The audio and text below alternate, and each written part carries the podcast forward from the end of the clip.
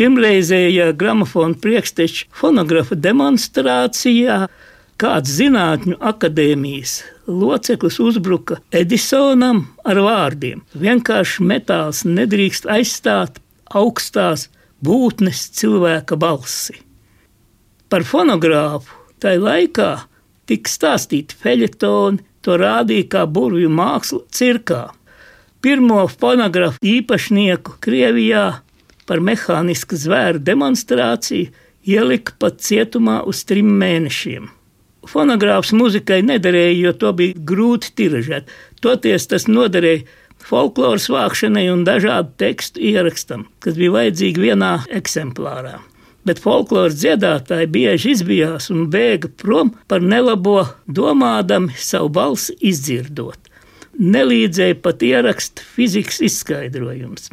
Grūzijas kalnu ciemata vecākais teikšs padzina komponistu, kurš gribēja kalniešu dziesmas ierakstīt bet 1916. gadā kāds Krievijas reliģisks sekts vadītājs lika savākt gramofonus un astoņus pat sadedzināja. Tā kā skaņas elektriskas pastiprināšanas vēl nebija, tad skaņu pastiprināja mehāniski ar lielu ruporu palīdzību. Gramofons pieņēma diezgan amizantus izmērus, lai varētu dabūt no mazas rieviņas pietiekami skaļu skaņu. Palielināt skaļumu un uzlabot kvalitāti centās 30 gadus.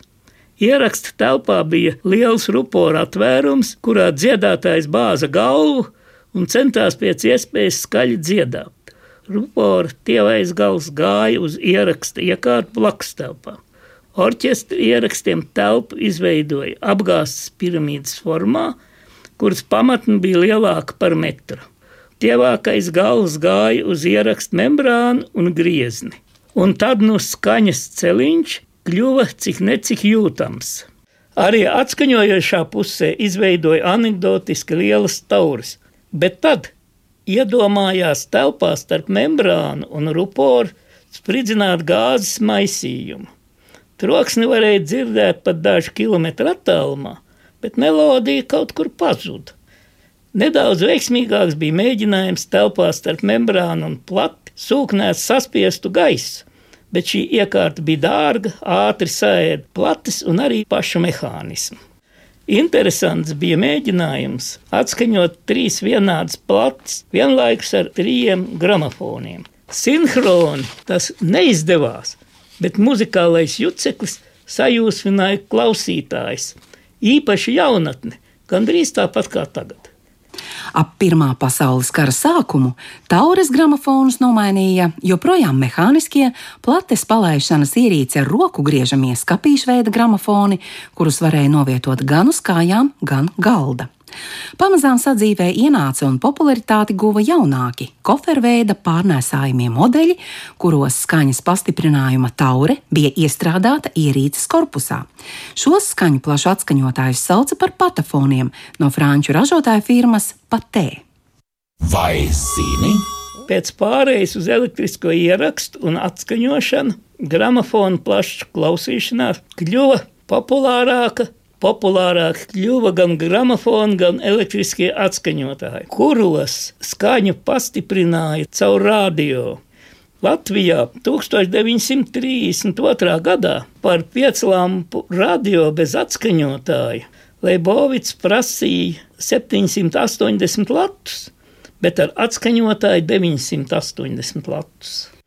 Pēc 1954. gada sāka ražot radioaparātus, kam bija gramofona paneļi, un tos sauc par radiolām.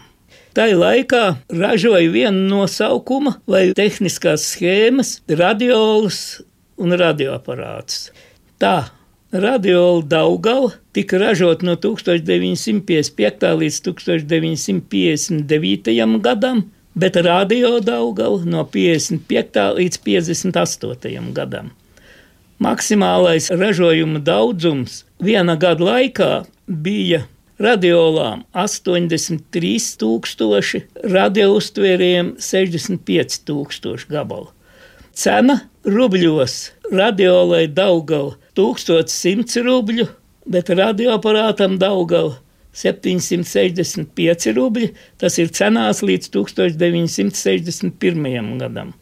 Nākošais radio uztvērējs un radiola sakta tika ražot no 1959. līdz 1964. gadam.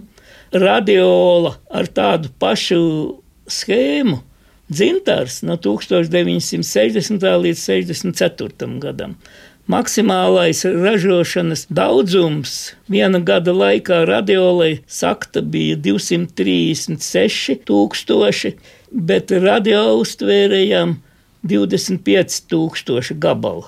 1964. gada beigās Rīga sāka ražot pirmās un augstākās klases telefoniskās radiolas Rigonda un Simfonija. Kaut plaša veikalā telefoniski bija gandrīz tikai sarkankarogotās armijas ansambļa ieraksti.